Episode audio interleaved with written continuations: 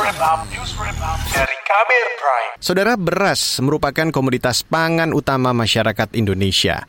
Namun, sengkarut masalah pendataan beras menimbulkan polemik berkepanjangan.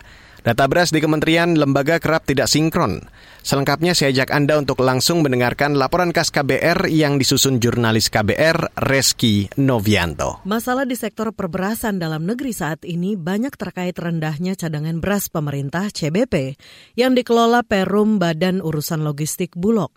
Namun, ada lagi masalah lain yang terjadi hampir setiap tahun, yaitu perbedaan data produksi dan konsumsi. Kementerian Pertanian mengklaim surplus produksi beras, sementara Kementerian Perdagangan dan Bulog justru mendorong perlunya impor beras.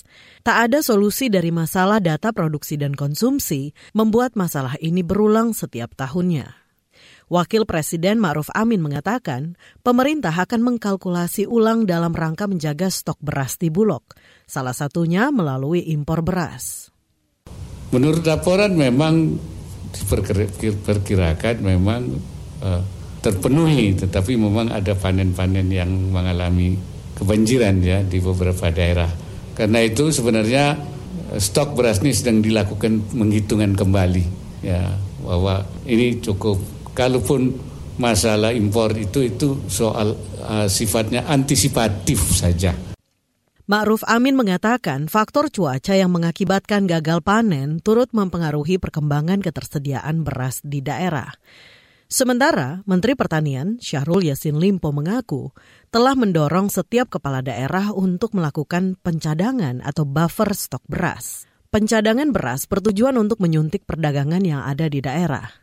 Uh, ingat 2023 itu peringatan FAO mengatakan dan uh, uh, berbagai World Bank, IMF mengatakan kita dark signifikan ada kegelapan dari ketahanan pangan dunia. Oleh karena itu wajar kalau semua lakukan bubble stock seperti ini. Perbedaan data pada komoditas beras diakui Menteri Perencanaan Pembangunan Nasional sekaligus Kepala Bapenas Suharso Monoarfa. Suharso mengatakan kisru data perberasan itu memicu polemik di masyarakat. Begitu beras, kita mau tanya kenapa kita impor dan kita punya jaga-jaga untuk impor dan kemudian berapa produksi, berapa yang ada di stok nasional yang dipegang oleh Bulog bagaimana dan seterusnya datanya sampai hari ini Pak Azwaranas nggak ada yang satu nggak ada yang sama. Kepala Bappenas Soeharto Monoarfa mengatakan data yang valid dibutuhkan untuk pengambilan kebijakan yang tepat. Namun, perbedaan data komoditas beras tak kunjung selesai. Kalangan parlemen turut menyorot data perberasan nasional. Anggota Komisi Bidang Pertanian DPR RI fraksi PKS, Johan Rosihan menilai koordinasi tata kelola beras dari hulu hingga hilir bermasalah. Johan mengatakan baik itu Kementerian Pertanian, Bulog, Badan Pangan Nasional hingga Kementerian Perdagangan sama-sama tidak memiliki kesamaan pandangan soal kebijakan beras. Menurutnya, hal ini menunjukkan pemerintah gagal mengurus beras di dalam negeri. Empat juta ton itu di lumbung-lumbung masyarakat. Nah pertanyaannya adalah kenapa tidak diserap oleh pemerintah? Awalnya pemerintah dalam hal ini e, blok ya mengatakan bahwa stok tidak ada. Setelah kita pastikan bahwa stok itu ada, maka kalau tidak cocok harga, kita punya HPP untuk membeli itu dan lain sebagainya. Jadi saya aja ingin katakan bahwa keputusan untuk melakukan impor beras ini adalah sebagai bentuk pengkhianatan terhadap kedaulatan pangan nasional. Anggota DPR dari fraksi PKS, Johan Rosihan juga menilai sejumlah pihak yang mengurusi masalah beras nasional tidak saling menghargai. Ia menyebut perbedaan data beras antara Kementan dan Bulog menjadi contoh miskoordinasi pengelola beras tanah air. Polemik data beras disorot kalangan pakar.